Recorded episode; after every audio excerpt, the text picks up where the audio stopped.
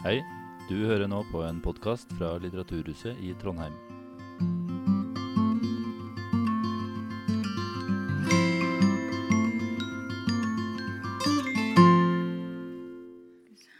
Hei, og hjertelig velkommen til Litteraturhuset i Trondheim og til litteraturfest. Vi begynner i kveld med en samtale mellom Helga Flatland og Andrea Skogtrø Ekan. Men eh, før vi begynner, skal jeg bare gi litt eh, praktisk informasjon. Eh, vi har fire nødutganger. En i Kongens gate, der dere kom inn. Og så har vi tre bak. En i barneavdelingen, en rett fram, en til venstre. Toalettene finner dere eh, inn til høyre her i barneavdelingen eller i andre etasje. Det er bare å følge den svarte stripen i gulvet, så finner dere fram. Eh, og vi følger jo selvfølgelig regler om smittevern, så hvis dere husker å holde god avstand eh, Særlig når dere skal ut igjen etter arrangementet. Da er det lurt hvis de som sitter bakerst, kan benytte den bakerste utgangen. Og det er andre som sitter fremst, eller som skal koseprate eller noe sånt etterpå, hvis dere går ut i Kongens gate. Da gjenstår det bare å gi en varm applaus til kveldens hovedpersoner.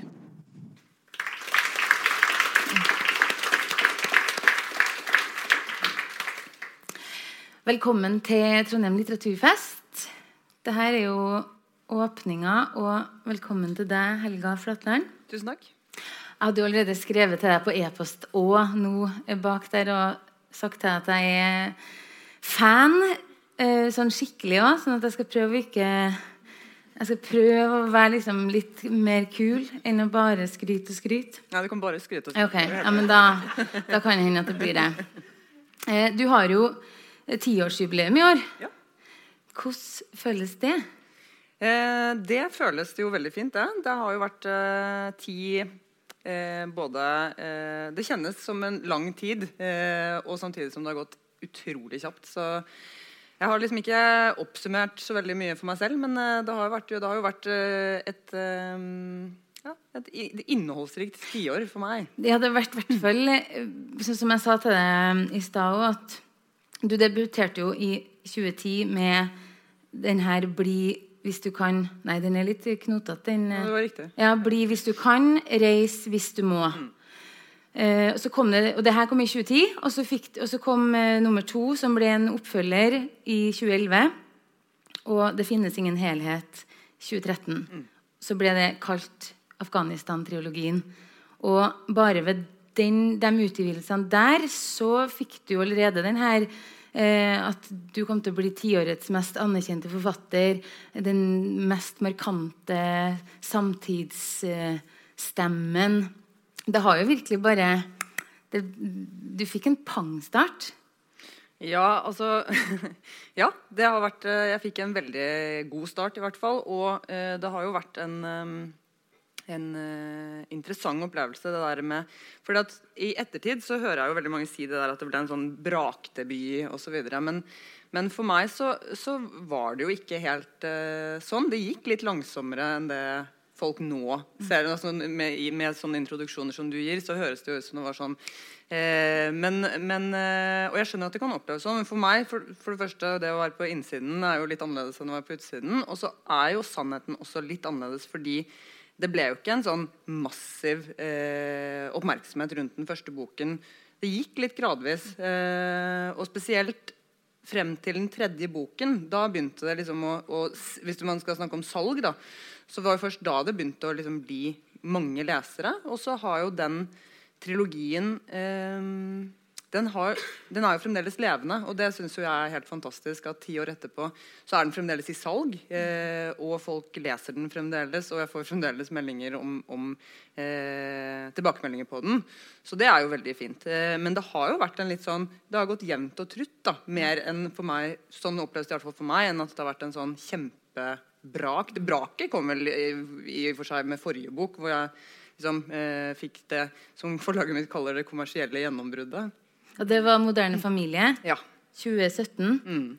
Og den fikk du også bokhandlerprisen for. ja. Og det Ja. var jo det som da gjorde at den ble som sagt det, det mer sånn det store salgsgjennombruddet, da, rett og slett. Mm. Og siden at du også da, og så har vi Vingebelastning, som var i 2015. Så du har hatt en sånn jevn eh, bokutgivelse. Da ser jeg også, men jeg mener at jeg hørte en plass at du hadde sagt, eller du hadde fått tips om, at du aldri skulle si nei til arrangementer i forbindelse med bøkene dine. Ja. Så hvis du holdt på i ti år og hatt jevnt gående med bøker, hvordan har det gått å ikke si nei? Mm, nå går det ikke lenger. Men, men, eh, men det er jo eh, Ja, det tipset fikk jeg da jeg hadde gitt ut den eh, første boken. Og den jeg fikk det tipset av, var faktisk Vigdis Hjorth. Eh, og eh, det har jeg jo fulgt. Altså, jeg har jo sagt ja til eh, veldig mye, og det har jo vært en kjempebonus. Og, for det visste jeg ikke da jeg skrev den første boken, at det fantes så mye litteratur. Og det gjorde det for så vidt heller ikke, tror jeg. Altså, det der Litteraturarrangementene har jo økt i i antall eh, og omfang de siste ti årene også. Men, men den bonusen det er å eh, for det første reise rundt og møte folk som eh, leser bøker generelt, men mine bøker også spesielt, er jo eh, veldig stas. Og ikke minst det å reise til forskjellige biblioteker rundt omkring i Norge. Som jeg ikke, ikke bare de store byene, men også sånne små steder som jeg ellers antageligvis ikke hadde kommet på å besøke. Eh, har jo vært kjempefint, altså. Og det som er litt artig nå, er jo at eh, det her er en av de første arrangementene du har med din nye bok. Ikke sant? For nå kom jo, dette ble jo et litt annerledes år. Eh, så nå, har jeg, nå kan jeg jo si ja til alt, og likevel så er det veldig få ting som, som skjer pga. korona. Så det er så deilig å eh, være på et kulturarrangement og se så mange mennesker. Det er jo helt fantastisk. Så det er faktisk et av Det er ikke det første, men det er et av det jeg tror det er det nå eh, Ja, det er det andre sånn det, sånn type arrangement jeg er på med eh, den nye boka. Så det er veldig stas, da. Ja, Så da er liksom vi er nå en av de første som får lov til å høre alt som har foregått underveis og inni deg og Ja, alt det her. For boka da heter 'Et liv forbi'. Og den kom ut nå starten av oktober. Ja, 2. oktober. Vil du fortelle litt om Man kan kanskje ikke si hva handler boka om, men hva er utgangspunktet for boka?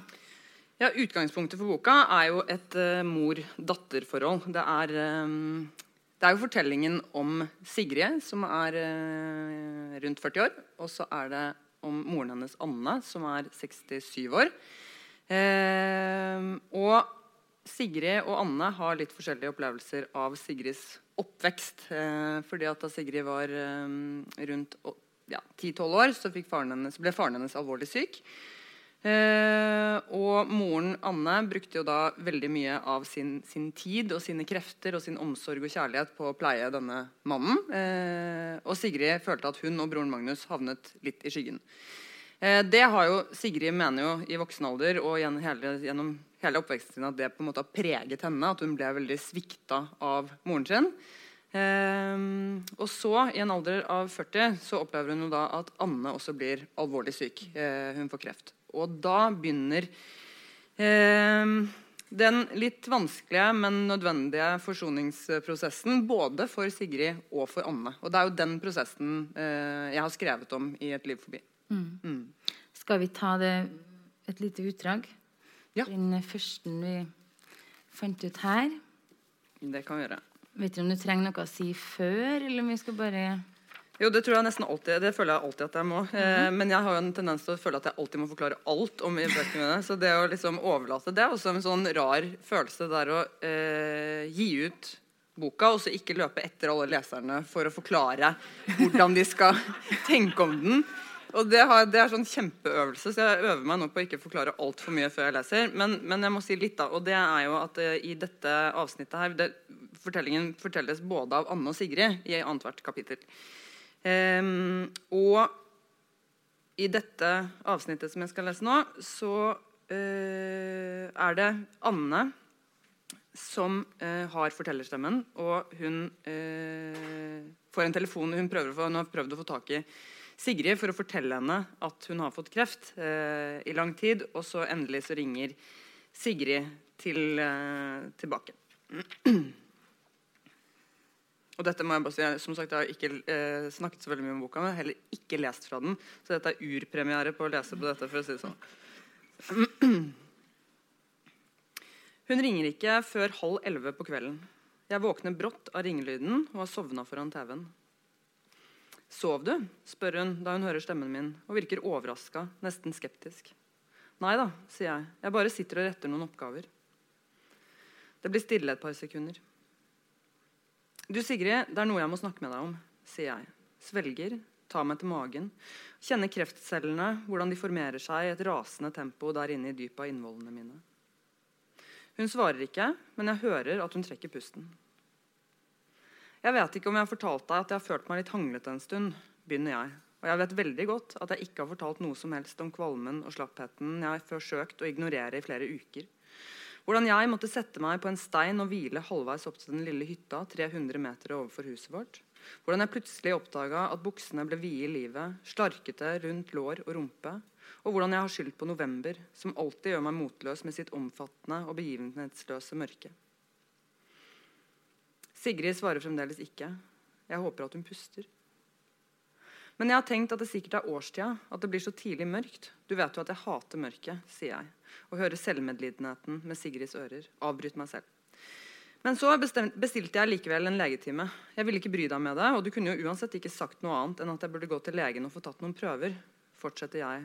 Fornemmer at Sigrid utelukkende hører kritikk og forsøk på å gi henne dårlig samvittighet. Hun kremter, og jeg gir henne et øyeblikk til å eventuelt si noe, men hun forblir stille. Og jeg ble sendt til en undersøkelse som viste at jeg har kreft i tykktarmen, sier jeg til slutt. Vil de operere? spør Sigrid fort.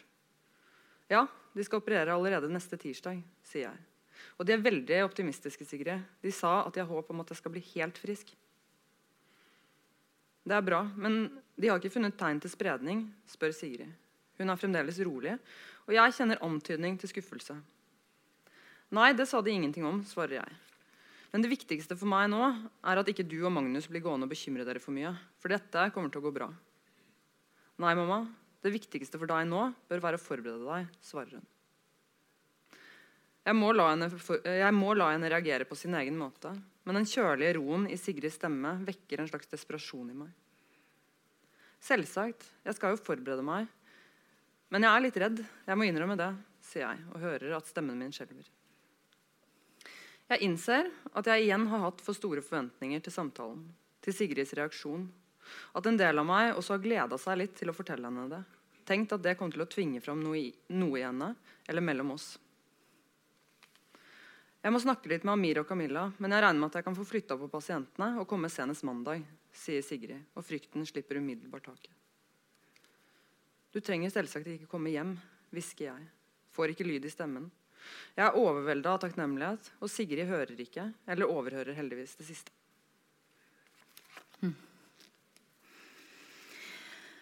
Det der er jo ganske tidlig i boka. Og eh, altså den der følelsen av at eh, Det er nesten sånn at moren er litt glad for at hun har fått kreft. Eller litt sånn, om ikke glad, men altså at hun har At hun, bruk, at hun håper at hun skal få en slags sånn um, kjærlighet av, av, Sigrid når hun forteller at hun har fått det?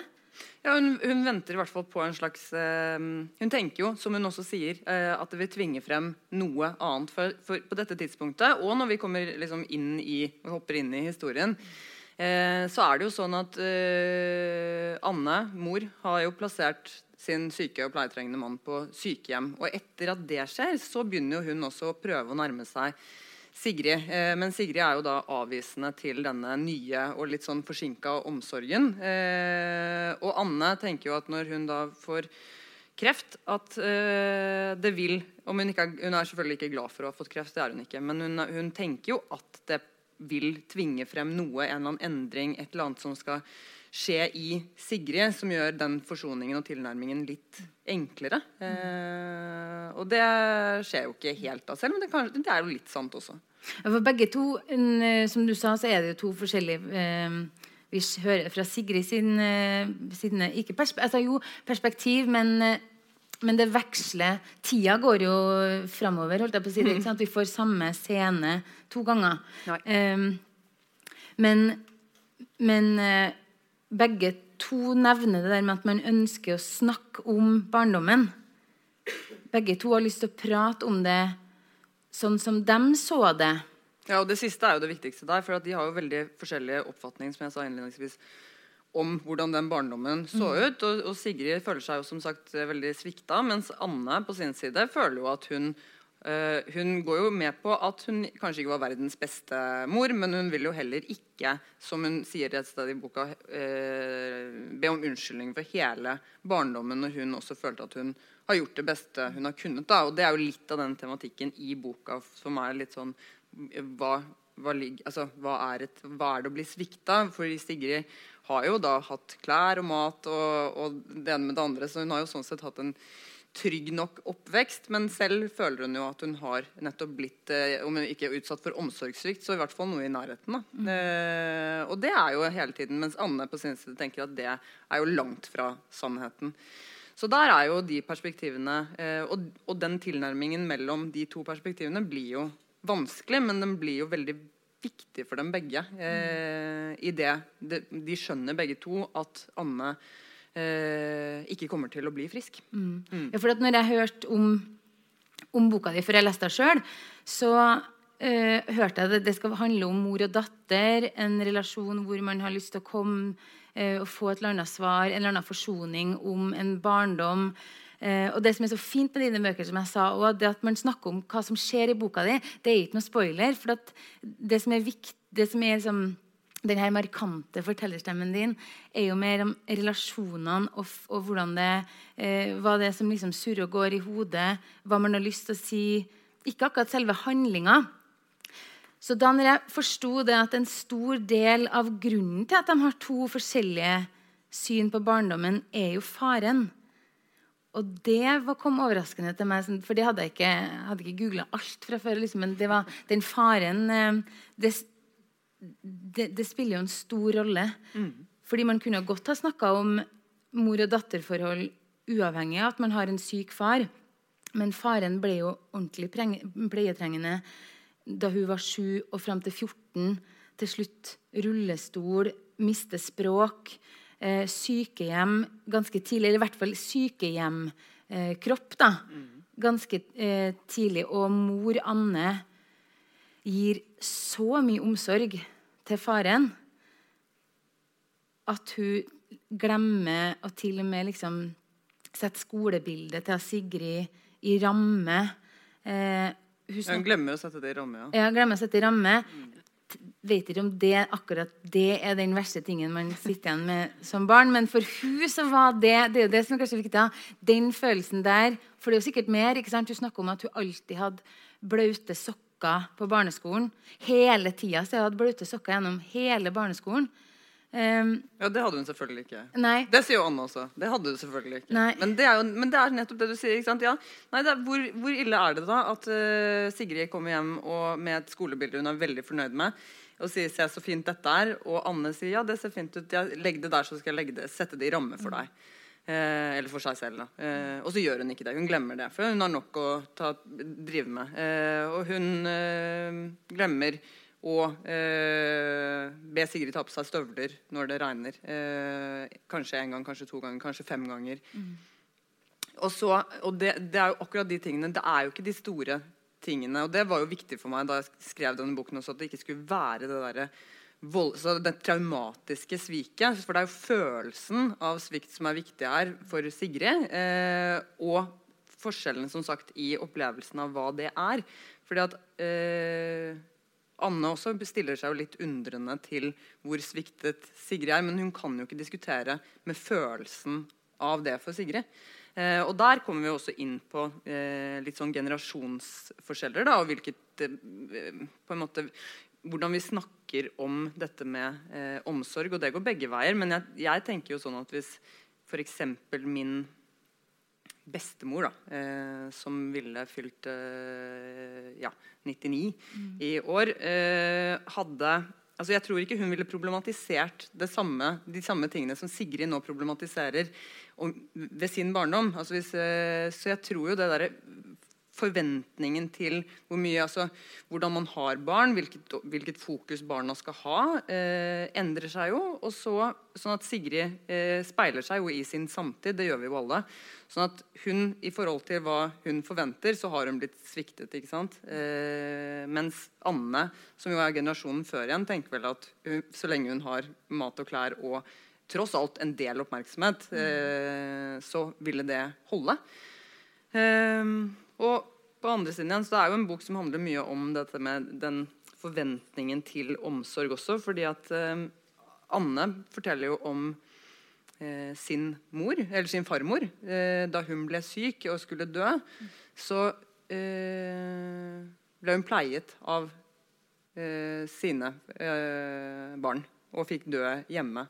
Mens og som jo var veldig naturlig frem til liksom, men, Mens nå er jo det helt sånn for Anne så sier hun det ville nesten vært pinlig eh, å skulle dø hjemme hos Sigrid eller forvente at hun skulle ta vare på meg inn i alderdommen. ville på en eller annen måte virke veldig sånn påtrengende og nesten sånn avslørende for henne. At hun skulle liksom bli syk og dø hjemme hos Sigrid og Sigrids mann. Så det der Omsorgsrollene og hvordan, eh, i, i, begge retninger, hvordan, de, hvordan, vi forholder oss til det i vår samtid, syns jeg også er veldig interessant. Og hvordan forskjellene i generasjoner er. Mm. Og så er det jo eh, Jeg har tenkt på det der med at eh, Sigrid sier også at eh, mora er litt egoistisk. Hun nevner vel det til, om ikke det er til mannen hennes, men hun nevner litt at mora er litt egoistisk. Og så husker jeg at jeg leste en plass med at hvis du skal vise barn kjærlighet, eller hvis du skal lære barn kjærlighet eller jeg tipper det er sikkert mange som har um, gode råd, og, og, det er mange terapeuter som kan ha lyst til å si ting. Altså. Men det er bare det med at man sier at hvis man skal vise kjærlighet til ungene sine, så skal man vise det til partneren sin. Eh, at det skal være også en fin måte å vise eh, kjærlighet på. At, at, du, du, kan vise kjærlighet til barn, men hvis barn ser også hvordan du viser kjærlighet til partneren din, så kan det være like eh, viktig Eller det er like viktig, om ikke viktigere. Da. Og da, hvis man skulle hatt den stemmen i bakgrunnen, så er jo Anne veldig eh, kjærlighetsfull, omsorgsfull. For hun er jo på det For da vi kommer hit, så er jo mannen Gustav på hjem. Og hun er innom hver dag. Og barberer, snakker til en, selv om ikke man får noe svar. Hun, hun prøver vel å ha noe sånn intim hånd altså hun, hun, gir jo virkelig ikke slipp på han.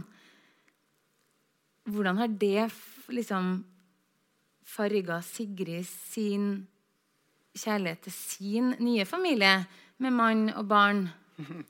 Ja, det er jo et litt sånn eh det, det, er, det, er, et spørsmål med litt flere svar. Da, eh, som du sier, Anne eh, viser jo definitivt sin kjærlighet til sin mann, men hun forsvinner inn i den. Altså, for henne så er eh, Gustav det viktigste. Et sted i boken så sier hun at hun kan ikke tenke seg eh, en eh, annen måte å leve på enn med han som utgangspunkt for hver eneste dag. Eh, og det er jo sånn hun forvalter livet sitt nå. Altså det, det, det, er jo bare rundt Gustav. Det har alltid bare rundt, vært rundt Gustav. Og sånn sett så har jo Sigrid rett i det. at det, Hun forsvant jo veldig inn i inn i han, eh, også før han ble syk. Eh, og det får vi på en måte bare noen glimt inn i. Men, men jeg mener jo at jeg har skrevet inn en slags sånn eh, En dame som har forsvunnet ganske kraftig inn i det kjærlighetsforholdet. At det overskygger det meste annet, også kanskje eh, barna hennes. Eh, og for Sigrid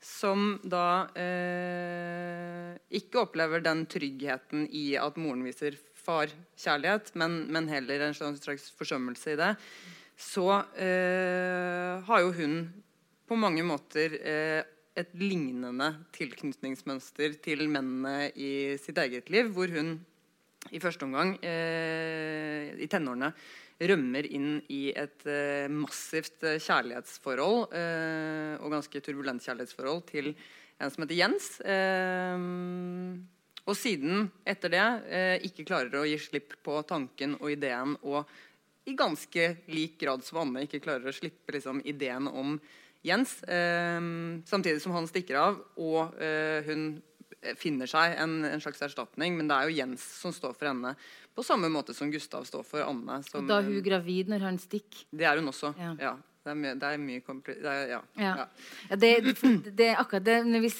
liksom, Det handler jo ikke bare om denne mor- og datterrelasjonen. Absolutt ikke. Det er så mye det er så mange ting som er For det er, det er jo nettopp der når du nevner Jens Hva er Jens egentlig oppi alt det her? For det er Hva er Jens? Ja, hvorfor skrev du en Jens? Fordi ja. um, Der kjente jeg at jeg til tider ble litt irritert. Oh, ja. Hva ble du irritert på? Jeg ble irritert på um, at hun Men nå, har, nå, blir det jo min tolkning av boka, da, som dere, jeg håper dere har lest eller skal lese fort. Um, nei, det, det, har ingenting å si. Som sagt, det er ingen spoiler. Nei, det, er bare min bagasje som jeg tar med meg når jeg leser. Men, og men, det er jo det mest interessante. ikke sant? Fordi at når folk sier, Jeg blir jo helt sånn Når mennesker kommer til meg og snakker om mine bøker, hva de har fått ut av det, så sier jo det en ting er at de tror at de har lest mye om meg, men det folk kommer til meg med og i møte med, med, min tekst sier jo minst like mye om den som har lest. ikke sant? For de kommer jo da med sine Man legger jo sitt eget liv og sine mm. egne tolkninger og sine egne de, Man fyller jo ut. Men unnskyld. Norsk, ja, ja. ja. Eh, nei, for sånn helt sånn litteraturteoretisk så er det vel en han, Iser han har sagt det at en bok er ikke ferdig før den er lest av noen. Og med hver vår luke, da, som om vi er på en måte en sånn vandrende julekalendere, så driver man liksom åpner alle lukene mine, og så leser jeg en bok, og så har det blitt den boka. Eh, nå virkelig avsporer jeg, da. Men tilbake til Jens. Fordi eh, Sigrid er jo eh, synes jo at hun har blitt forsømt fordi mora har brukt så mye tid på Gustav. Og Sigrid har jo ikke hatt noen slags relasjon eller kontakt med Jens i 19 år. Så dattera de har sammen, som heter Mia, hun er 19 år og har blitt i 19 år oppfostra av Aslak, som er da hennes nye mann. Fordi hun fant jo en Aslak når ungen var tre måneder. Så han er jo virkelig vært farfigur i alle de år. Og så kommer Jens tilbake, og så um, Så ble jeg bare så frustrert over at hun Det er akkurat som at hun ennå ikke hadde sluppet den. Og en ting jeg ble litt jeg blir så irritert Jeg merker at jeg blir irritert når jeg tenker på det. Men det er bare at det er en scene hvor hun får en emoji på telefonen sin av Aslak. Og så syns jeg at åh, Aslak er så teit som sender sånne emojis. At han, altså All personligheten til Aslak gikk i den emojien. Og så får han nesten en lignende emoji av Jens. Og da er det Og det er bare Jens som kan sende en sånn Jeg skjønner akkurat hva han mener med den emojien. Ja. Og, og da ble det sånn men ble du, irritert, men ble du irritert på Jens? Hvorfor ble du ikke irritert Nei, på Sigrid? Da? Jeg ble irritert for at han kom. ja, han kan bare suse inn ja, uten å ha tatt ansvar i 19 år. Ja. Så kommer han der. Ja. Ikke sant? Det sier mm. kanskje mye om meg at jeg mener at fedre ikke skal komme innom 19 år. Ja. Nei da, jeg skjønner hva du mener, jeg, men, men, det er jo en sånn og, og, det er jo litt av det jeg prøver å skrive inn da med, med Sigrids altså, og, For jeg er jo litt interessert i om tilknytningsmønstre Om de enten rent sånn genetisk går i arv, altså er vi sånn arvelig belasta for måten vi knytter oss til andre mennesker på. Er det noe i genene våre, eller, er det, eller blanding da, for den saks skyld, med måten vi har sett. ikke sant? For Sigrid har jo også sett og observert hvordan altså Apropos det du sier med ja, du skal vise partneren din eh, kjærlighet og sånn sett skape en slags sånn trygghet og, og, mm. og, kjærlig hjem. Men hvis du også har sett en mor som har eh, forsvunnet fullstendig inn i eh, sin mann, og, og, på en måte lagt hele sin verdi og livslykke og så vært fullstendig avhengig av denne mannen eh, Om ikke det også er en slags eh, modell som gjør at I hvert fall har jeg tenkt i, dette, i denne boken at Sigrid Eh, om det nå er gener eller miljø, eh, at hun tar etter det. ikke sant? Og da vil jo Jens, helt uavhengig av hva han gjør, hva han er, hvordan han fremstår og uansett hvor rasende for Hun er jo ikke dum, altså hun vet jo dette. Hun er jo rasende på ham også, eh, og motvillig må kjenne på den tiltrekningen eh, idet han kommer tilbake til Oslo og på en eller annen måte er suverent til stede både i, eh, i Oslo og i, etter hvert i datteren Mias liv. Eh, så hun må jo forholde seg til det. Men, men hun, eh, hun, forholder seg jo til ham som Anne forholder seg til Gustav på én måte. Eh, og så er det jo også sånn at eh, Sigrid Jens kommer jo inn tilbake i livet eh, hennes når moren begynner å bli syk. Og det jeg også har eh, tenkt med den relasjonen, er jo at Sigrid også på en eller annen måte søker en slags sånn idé eh, barndommen Eller idé den forson... Ja, som jeg sa, altså dette med eh, Forsoningsbehovet da, eh, blir sterkere, så blir jo også, og, og at hun skjønner at Anne skal dø, så søker han jo også tilbake til det som hun opplevde som veldig trygt. Da, som jo i og for seg er Jens, som er verdens mest utrygge, ustabile eh, fyr. Eh, og eh, søker seg liksom inn igjen i det idet hun skjønner at moren skal dø. og Det blir jo litt sånn uh, kompleks psykologisk, men som likevel er en interessant mekanisme. Da, at jeg tror man liksom søker noe som erstatning for noe annet idet hun skjønner at Anne skal dø. Eh, og Jens er jo også, da, som hun sier et eller annet sted, til tross for at han er, eh, driver med emojis og det med det andre, at han er på en måte også den eneste som egentlig ser henne, kan forstå henne helt sånn intuitivt. da. Ja. Ja. ja, for det har jeg liksom tenkt Ok, du har skrevet inn Jens også. For at hun har en helt fantastisk Eller fanta, no, ja, jeg merker at den ry- ryggsekken min var Men han Aslak er veldig trygg og til stede. Eh, men kanskje Aslak og Sigrid ser forskjellig på mora. Um, så, sånn hadde jeg tenkt litt òg, da. At, uh, at Sigrid hadde For noen ganger så har vi jo behov for visse svar. Når vi kommer med problemer, så har man venner man går til. Man vet at hvis man sier til hun eller hun, så kommer de til å svare sånn. At man liksom søker litt ja, At man har som, tenkt gjennom hvem man forteller sine problemer til. At og derfor så var det, er det, For hun betror jo seg mer til Jens om sykdommen, eller på en annen måte til Jens enn til Aslak, selv om Aslak øh, vil jo være til stede.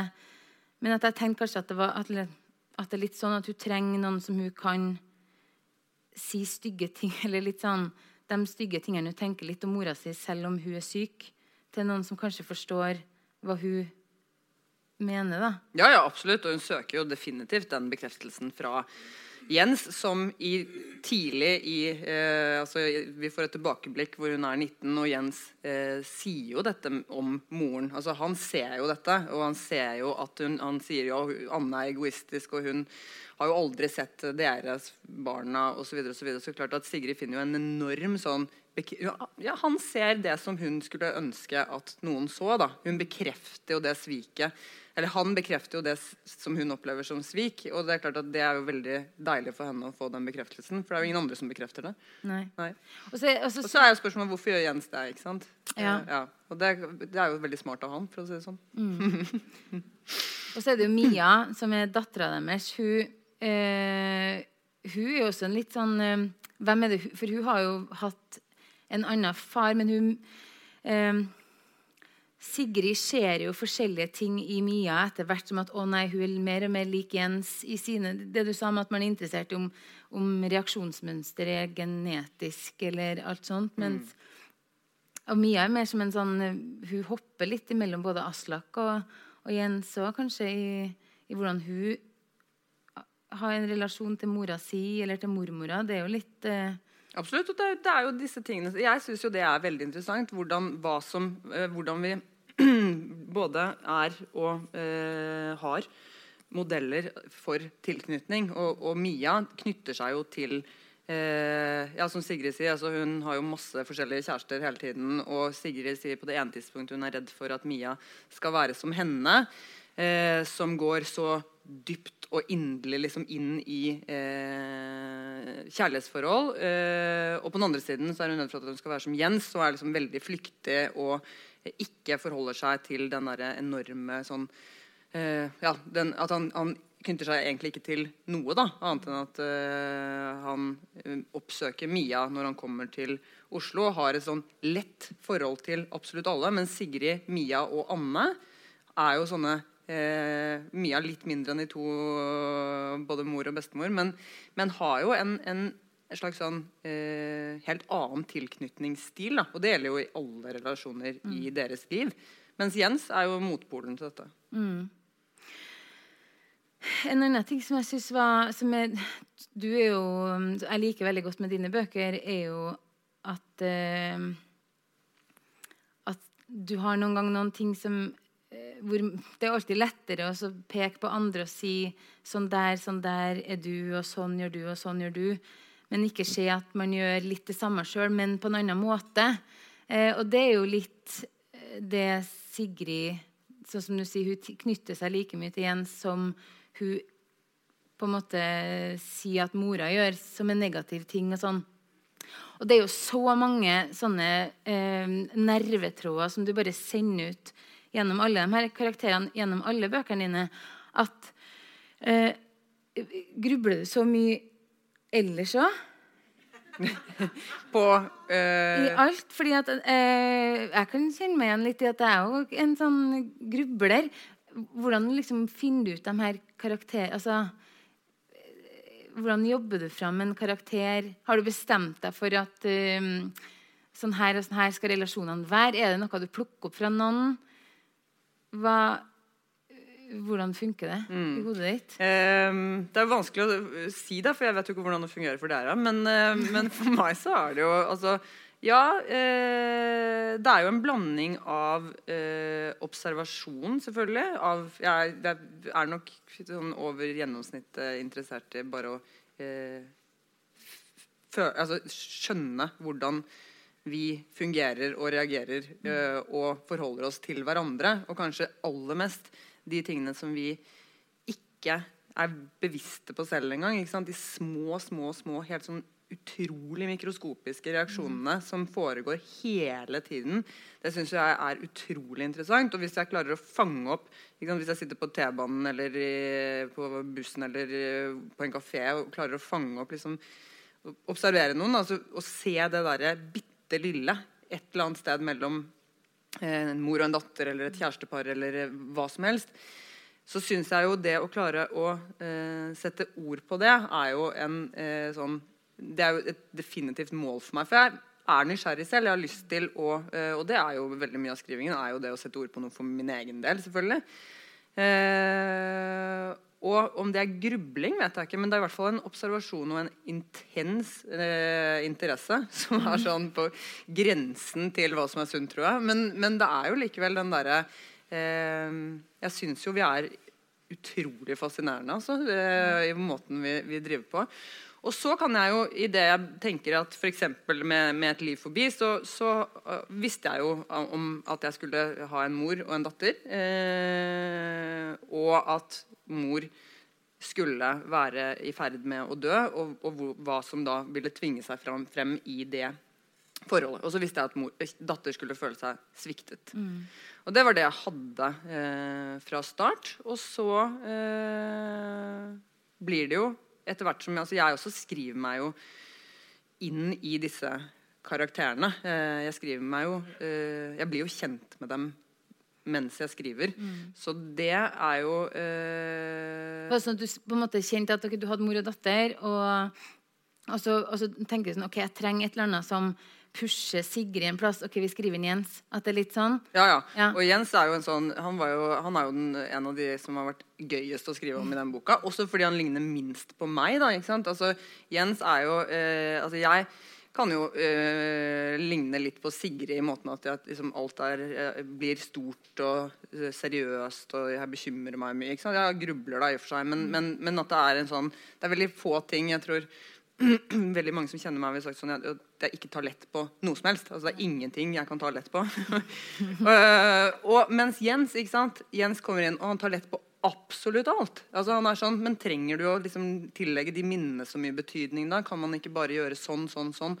Eh, og er likevel eh, en, et tenkende, intelligent menneske, men er, liksom, tar jo inn verden på en helt annen måte enn Sigrid og hennes forfatter. Så, eh, så det var jo veldig gøy. Det er jo veldig interessant for meg å skrive inn han som en slags sånn motpol til Sigrid. Så det har jeg kost meg veldig med. da. Ja, For han tar jo veldig lett på det at han ikke har sett dattera si på 19 år òg, liksom. Ja, ja, Han er skjønner ikke at det, altså, han syns ikke at det Ja. skal være så Hun er her nå, stort. liksom. Eller Ja. er her nå. Da, ja. Og han er her nå. Og så kan ikke alle bare egentlig leve i harmoni med det. Eh, og, og, og det at han dro også fra Sigrid eh, da hun var gravid, og den derre måten han helt sånn men dette må vi også huske på, da, og det er jo litt av, eh, av det som er både begrensende, men også ganske interessant med å skrive med en jeg-forteller. Jeg skriver fra jeg-posisjoner. De er jo totalt upålitelige. Fordi det er jo bare deres versjon vi får. ikke sant? Vi får Jens, vi får Mia, vi får Aslak, vi får Gustav. Magnus, vi har nesten glemt Magnus. Ja, bror Magnus. Ja. Eh, gjennom øynene til to jeg-fortellere som både har litt sammenfallende oppfatninger, men også motstridende oppfatninger av disse menneskene som er rundt dem. Eh, og det vil jo dermed si at Hvis Jens skulle få fortelle sin historie, så hadde den sikkert sett litt annerledes ut. Og det kan godt være han ville benektet at han tok så lett på ting som det Sigrid påstår at han gjør. Eh, men det er jo det som sant, Gjennom Sigrids blikk så er han en sånn veldig eh, ja, eh, flyktig, men suveren type. da Med en enorm tiltrekningskraft på henne. Kanskje også fordi han er nettopp så annerledes. Det var litt artig egentlig det du sa at du minnet, altså at eh, du følte at du kanskje var litt lik Sigrid. Fordi du er jo en av de forfatterne som eh, jeg holdt på å si er kjent for det, det blir feil å si det, men for meg i hvert fall. Eh, de som ikke går inn i denne rekka av å skrive sjølopplevd litteratur. Og jeg vet at For jeg har gitt eh, flere av dine bøker i bursdagsgave til eh, i hvert fall noen ansikter som jeg ser sitter her. Em, og, og da, etter at jeg har lest den, så spør jeg liksom, hva syns dere, eller hva syns du? Så er det det her må nå være sjølopplevd. Oh, ja. Og da, det tolker jeg som egentlig bare utelukkende positivt. Ja, ja. Fordi at en å skrive med så eh, lidenskap og kraft om ting, og så sårt med både syk far og mor med sykdom og, og eksmann og, og så alt det. Og ikke bare det, men alle resten av bøkene òg. Eh, men du fikk jo Amalie Skram-prisen eh, i 2015. Ja. Og en av dem eh, en av begrunnelsene var at det var så forfriskende Nå skal jeg husker uten at det sikkert det, men at det var så forfriskende å eh, se et, eh, en ung forfatter som greide å skrive eh, Eller som greide å se utover sin egen sitt eget liv. Eller kan det være riktig? Jeg husker ikke helt Nei, det er jo fem år siden det var. Det var imponerende av deg. Ja. ja. Men, eh, men, men det er jo Er ikke det egentlig skikkelig kult at folk tror at alt du skriver Ikke alt. Nei, det er ikke Det må jeg syns det? Det bekymrer meg eh, litt, må jeg si. Eh, Det bekymrer det- sikkert min familie enda mer. Ja. Men de vil jo kanskje vite at det ikke er det. Det må jo være en sånn At man føler at man skriver sånn rett i Nei da, men jeg skjønner hva du mener. Ja. Det er selvfølgelig også en stor kompliment. Eh, og, men, men for meg da, så er det jo sånn at det å skrive er jo også å dikte. Eh, og jeg elsker å forsvinne inn i noe annet enn meg og mitt. Og det betyr selvfølgelig, når jeg sier jeg ligner på Sigrid Jeg ligner på Sigrid på mange måter, men hun er jo ikke meg, og jeg er ikke henne. Og det er umulig å ikke bruke seg altså Det sier seg selv at jeg må selvfølgelig bruke av meg og mitt. Jeg må bruke av mine følelser, min fantasi, mine tanker, mine drømmer, mine lengsler. Hvordan jeg føler på sorg, hvordan jeg føler på glede. Og som jeg trekke fra og legge til etter karakterene. Ikke sant? Når jeg skal beskrive Jens, som jeg sa, som er totalt motsatt av meg, så må jeg jo bruke det jeg kjenner som altså Hvor trykker det for meg? Og så må jeg skrive det motsatte. Ehm, og sånn er det for meg å skrive. Men det, det aller mest givende er jo å få lov til å flykte inn i noe som ikke er meg. Og uh, skulle, jeg- altså, mitt liv er veldig kjedelig i forhold til karakterene mine sine. Så, så det, er jo, det er jo ikke sånn så, altså, Jeg har ikke noe behov for den type altså For meg er ikke skrivingen en sånn um, I hvert fall ikke på den måten en, en, en, en plate hvor jeg skal vise frem mitt liv, eller jeg har behov for å undersøke ting i mitt eget liv eh, litterært. Men, men jeg har jo et behov for å undersøke ting jeg er interessert i litterært. Og det er vel det jeg gjør. da, At jeg, jeg observerer eh, ting i vår samtid. Generasjonsforskjeller eller ja, hvordan vi forholder oss til hverandre. Det politiske, absolutt, i, den, i trilogien med, med mm, Norges deltakelse i, i eh, Afghanistan. Og, og undersøker det eh, litterært, som for meg er eh, mye mer interessant enn eh, å utforske mitt eget liv litterært. Men når man da er vant til å ha en sånn her bølge av sjølopplevd litteratur, og så kommer du med det som absolutt ikke er det, men lesere føler at det er så beskrevet så ekte og så rått. Og det, det at det, vel, altså det gjenkjennelse går igjen i ganske mange anmeldelser og ganske mange blogger og Nå jobber jeg på bibliotek, sånn at man spør jo ofte når man har lest bøker, hva syns du? Og, sånn, og da er det jo den her eh, eh, Det var jo en anmelder som hadde skrevet at etter han hadde lest boka, så ringte mora si. Mm. Og jeg tror det er flere som kan få en sånn At du vekker noe i noen lesere som gjør at man begynner å reflektere over sin egen eh, relasjon til folk, eller hvordan man reagerer, eller eh, Og det var det jeg mente egentlig med at det, var, at det må være litt sånn kult og kan finne på så mye som folk tror at Og men det her har jo jeg opplevd. Ja, ja.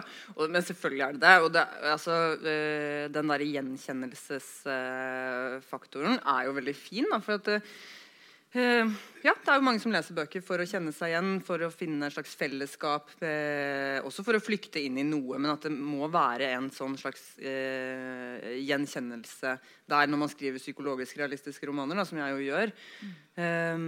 Og det som er interessant for meg, da, det er jo som mottar uh, tilbakemeldinger og, uh, og en, en, også en sånn veldig rørende åpenhet i uh, for, fra lesere da, som har lest bøkene som gir tilbakemelding til meg, det er jo at, at veldig mange tror jo de sitter med en ganske sånn egen øh, opplevelse av å ha kjent seg igjen. eller at det er en eller annen sånn oh, men, men, du har jo satt ord på noe som nesten bare er mitt og meg. Mm. Eh, og så finnes det jo så mange som har den akkurat samme opplevelsen.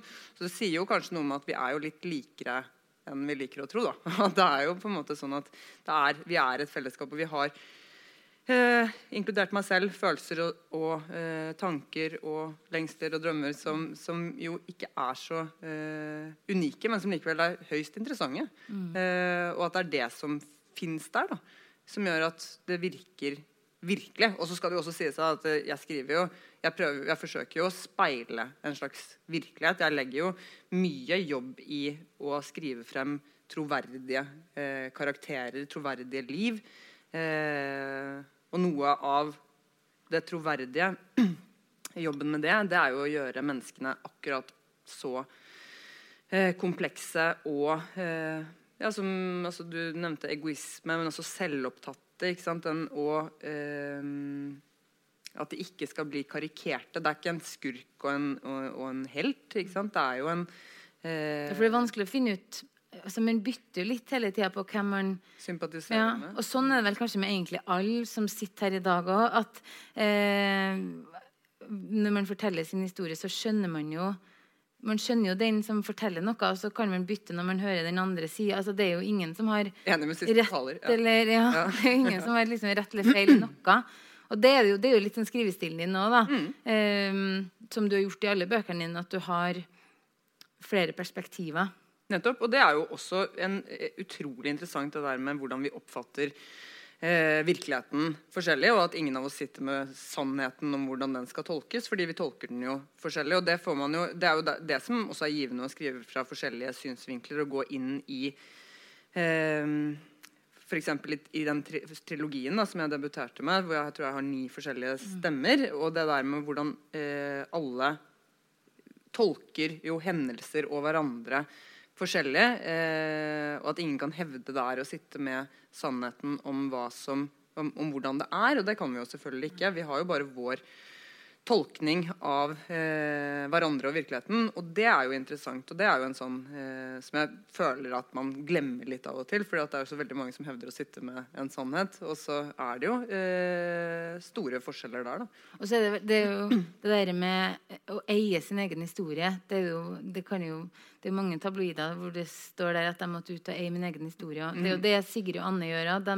de eier jo sin egen historie så hardt at de det er ganske vanskelig å prøve å få til en slags felles historie som de kan uh, leie, på en måte. Ja, ikke sant? Absolutt. At de finner en sånn mellomting som man kan uh, jo, det er jo interessant. det der, for at De tenker jo også sånn at de, Og, og den, det behovet for forsoning kan jeg jo forstå. Altså, jeg kan forstå det, for jeg har skrevet det. Men, mm. men, men det er veldig rart. Altså. Det er jo sånn Jeg begynner å snakke om de karakterene som de var ekte personer. Jeg kan forstå, ja. Eh, men, eh, men Så jeg ja. Jeg eh, syns det er interessant med det behovet for forsoning. Eh, men jeg syns fordi at både Anne og Sigrid har jo en, en veldig eh, et uttalt mål om at den store samtalen må finne sted for at den forsoningen skal skje. Og de vil begge at eh, Anne vil på sin side prøve på en eller annen måte å si, eh, et unnskyld som ikke er et uforbeholdent unnskyld, men hun vil finne en måte å si unnskyld på som rommer det hun vil be om unnskyldning for, men som ikke eh, på en måte eh, ber om unnskyldning for alt det hun mener at hun ikke kan be om unnskyldning for. Men den, det må også være en samtale, mener hun. da.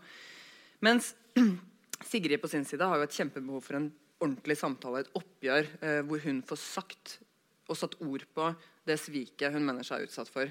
Eh, og gjennom hele romanen så er det jo denne trykket altså den, den samtalen Det lader jo Eller det, det, det blir jo liksom veldig eh, påtrengende at den finner sted. Og så har jeg jo tenkt sånn at det kanskje ikke nødvendigvis er eh, den store samtalen som må til. Da. At det fins jo også andre måter. Og det skjer jo også i boken. Og da skal jeg ikke røpe om den store samtalen kommer til å finne sted eller ikke.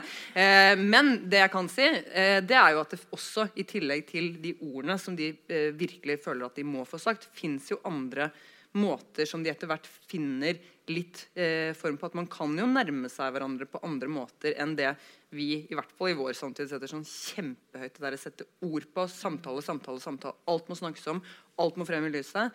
Men det fins jo tilnærminger som ikke nødvendigvis er så eh, ordrike. Det Mm. fins eh, tilnærminger hvor f.eks. Anne og Sigrid rent fysisk kan nærme seg hverandre. Det fins blikk, det fins det, det finnes, eh, gester. Det, Mm. finnes, altså, det er så mye. Det her det er en bok faktisk som heter 'Fem kjærlighetsspråk'. Ja, ikke sant? Eh, det er nok en gang med ryggsekken min. Og, men der er det også det med å gi, eh, å, å gi tid eller gaver eller eh, altså, Nå husker jeg ikke alt det, men det er jo det med tida de også gir hverandre her. Mm. Som er Skal bare passe på så vi er litt på tida sjøl her. Mm. Um, jeg tenkte, siden at uh, vi skal jo også ha Hvis det er noen spørsmål uh, som, som dere sitter inn med, så kan vi ta det òg. Men kanskje du skal lese den uh, siste teksten. Det den siste. Den siste vi fant ut. Og Ja. så kan dere tenke om dere har noen spørsmål. Så siden at eh, vi ikke har eh, lov å gå rundt med mikrofon, så bare rekker vi opp hånda, så sier dere spørsmålet, så gjentar jeg det i mikrofonen. Hvis det er noen spørsmål. Ja. Mm. Um, ja, da uh, skal jeg lese igjen. Det var jo litt uh, dårlig planlagt, da, for dette, dette er jo også Anne. Men uh, det blir Anne. Eh, og um, her er hun Hun har akkurat blitt operert. Og så tenker hun tilbake på at Sigrid kom og kjørte henne til sykehuset. Kroppen kjennes fremmed. Jeg har fornemmelser i lemmer som ikke finnes. Ikke smerte, mer en slags sitring en millimeter utenfor kroppens hudgrense. Sigrid brukte hele bilturen til sykehuset på å forberede meg på mulige reaksjoner og bivirkninger. Du kommer nok til å føle deg litt mørbanka, sa hun, og svimmel og kvalm. Men du får smertestillende, og du må ikke være redd for å be om mer hvis du har veldig vondt. Det er ingen vits i å spille tøff på sykehuset, mamma. Det må du love meg. Jeg lover, svarte jeg. Jeg mener det, sa Sigrid. Det er ikke slik at legene eller sykepleierne kommer til å bli imponerte over deg om du ber om mindre smertestillende enn andre. Jeg begynte å le og uforvarende å gråte samtidig. Over det normale i samtalen, over Sigrids gjennomskuende kommentar og over omsorgen hennes.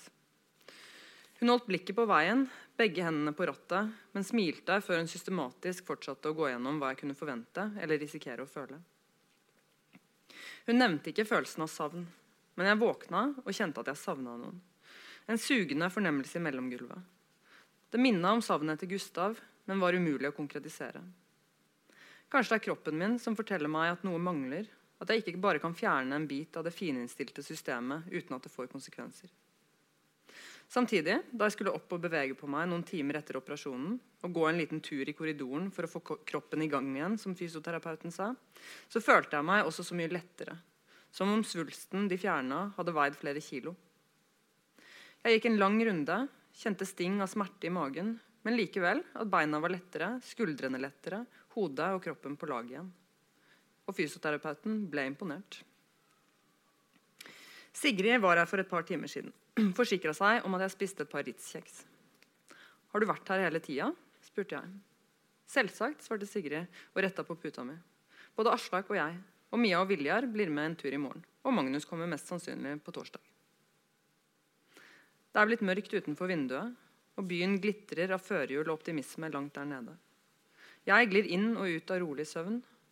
Og både kreften og operasjonen fremstår nå som en liten pris å betale for å få et glimt av dette som fins av nærhet og omsorg rundt meg. Tusen takk. Er det noen som har noen spørsmål? Der, ja. ja.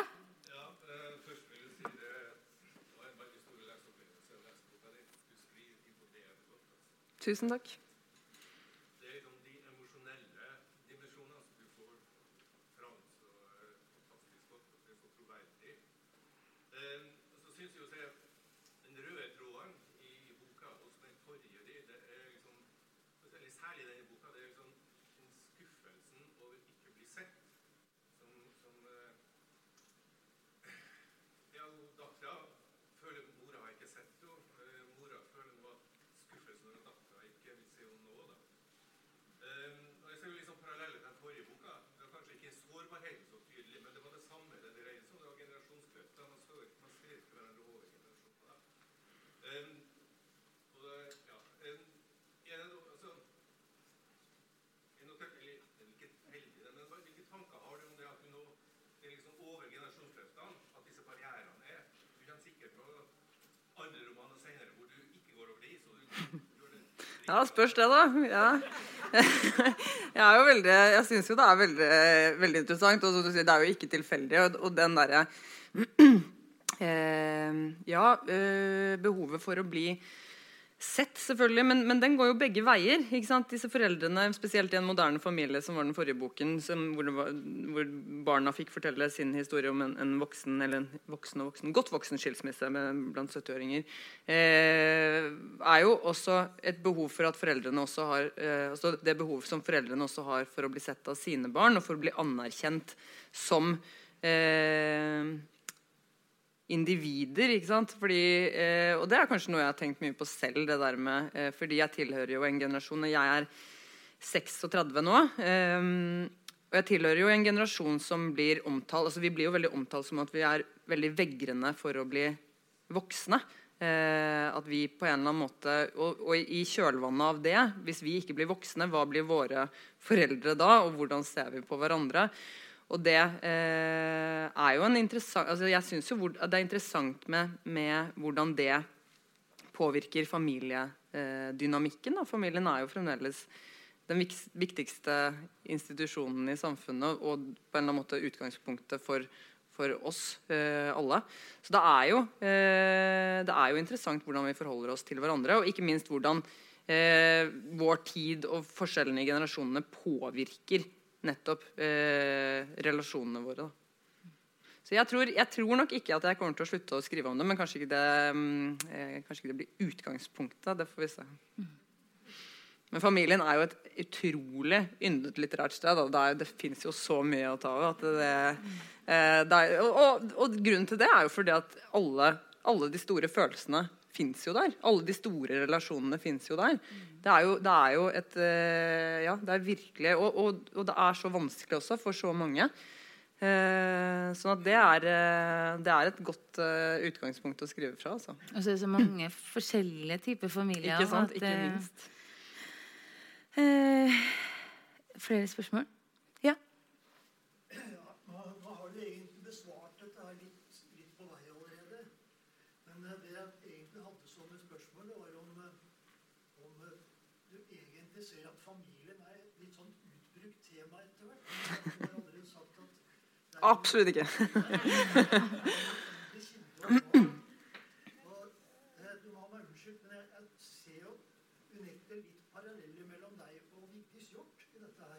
Ja, det er jo en kjempekompliment. Så.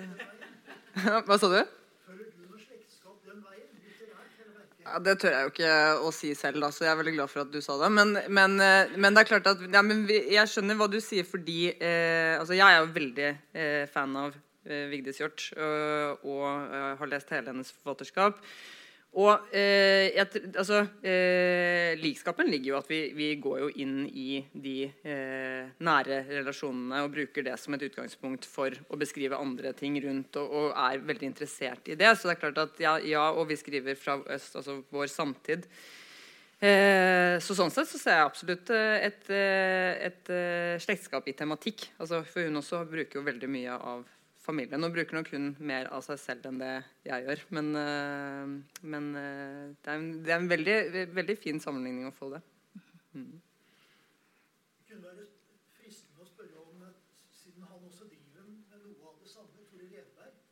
Han Ja, Tore Renberg. er Ja.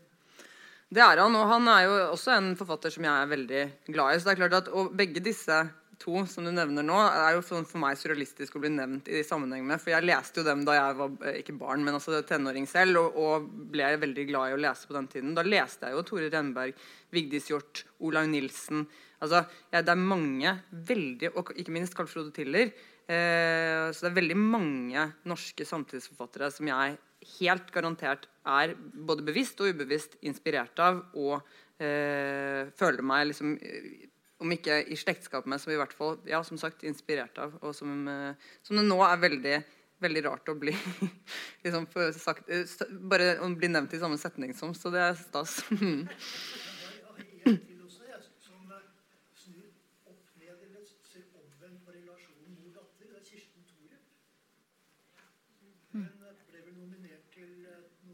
Ja, det ble hun. ja. jeg,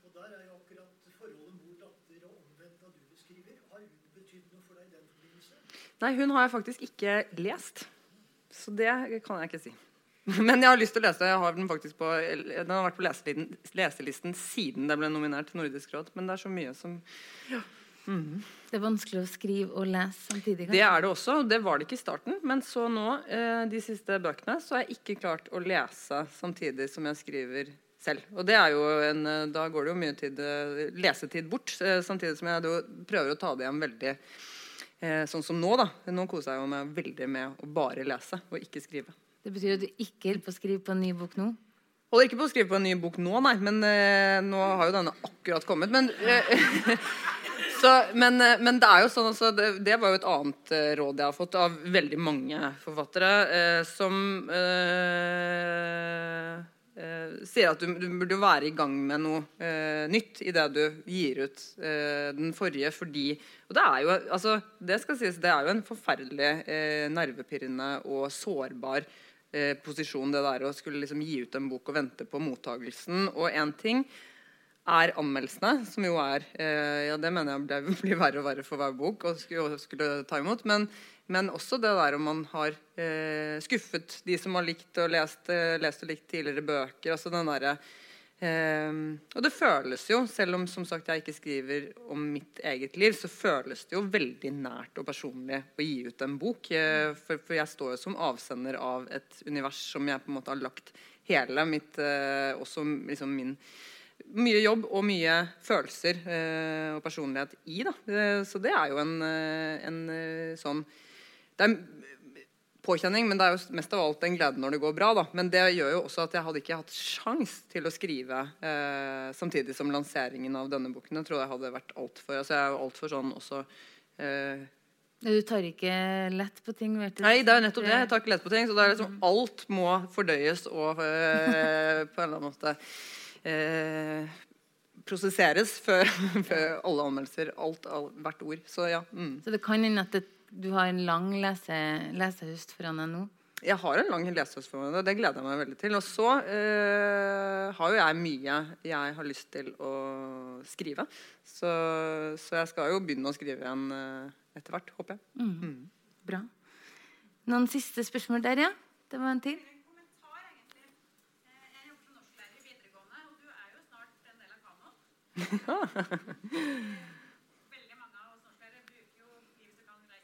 ungdom?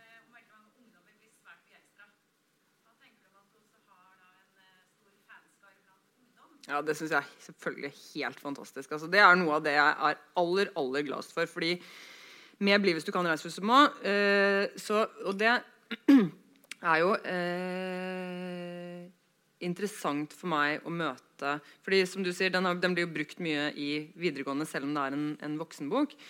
Eh, men den, er, den handler jo mye om ungdom, ikke sant? Og, og, og ikke minst valgene man står overfor osv. Eh, men det å møte For jeg har jo da vært en del rundt eh, med Den kulturelle skolesekken på videregående skoler og snakket med ungdom som har lest 'Bli hvis du kan, reis hvis du må'. Og det å møte og ikke til forkleinelse for et voksen, takknemlig publikum, men som tross alt frivillig har kommet for å høre på meg, eh, så er det noe veldig interessant å diskutere. Ja, en ting er liksom min litteratur og mine bøker, men også generelt litteratur med unge mennesker som eh, har, er befriende ærlige, og som har et litt sånn annet, eh, en annen innfallsvinkel. Så det har gitt det er på den måten, så rent For min egen del så syns jeg jo det er veldig gøy og utfordrende og stas. Og så syns jeg jo det er helt fantastisk å være en del av eh, de forfatterne som ungdom faktisk leser. Da, for det skal jo noe til. Eh, og så syns jeg det, det, er jo Det å få ungdom til å lese er jo kjempeviktig. Rett og slett. Mm. Ja, ikke sant. Og det som Oi, ja, ikke sant. Ja. Uh, ja, det er morsomt. Og det er jo det som også er morsomt med trilogien, eller med at ungdom leser 'Bli hvis du kan, reise hvis du må', er jo at den har skrevet på halvparten på nynorsk og halvparten på bokmål. Og så begynner jeg det er annethvert kapittel, så begynner jeg jo uh, boken på bokmål. Uh, og selv liksom de mest innbitte nynorskmotstanderne jeg har møtt blant ungdom, eh, er det jo mange av dem som har sagt sånn Oi, ja, men jeg merket ikke engang at du skiftet eh, midt i. Så det er jo en sånn, sånn sett en gavepakke til norsklærerne. da, det skal, ja. Men eh, nei, men det er veldig, det er veldig fint. Det, altså. Veldig, veldig stas. Mm. Er det noen flere? Heldigvis deilig med så mange fine spørsmål fra dere. Veldig, ja. Men det var kanskje siste? Jeg skulle ikke sagt det. for det var Men, eh, Nei, nå får vi prestasjonsangst. men, eh, men tusen hjertelig takk for at du ville komme hit. Tusen takk for meg. Det var helt strålende. Som, igjen da, Jeg har jo bare sittet og kost meg maks med ja, å være Møte eh, leser igjen er jo helt fantastisk. Ja. Og det er lenge siden man har vært så mange samla på en sånn, sånt arrangement òg, tror jeg. Mm.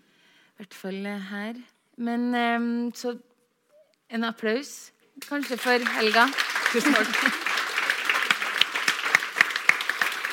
Og så, eh, og så skulle det jo egentlig være mulighet for å kjøpe bøkene. Eh, men så har det dessverre ikke kommet noen bøker enda, Så vi har jo heldigvis bokhandlere. Så hvis det er noen som har lyst til å kjøpe den i morgen, så skal vi ikke stoppe dere. Absolutt ikke. Tusen hjertelig Tusen takk for meg. Veldig hyggelig å være her. Takk. Og takk for deg. Ja, takk.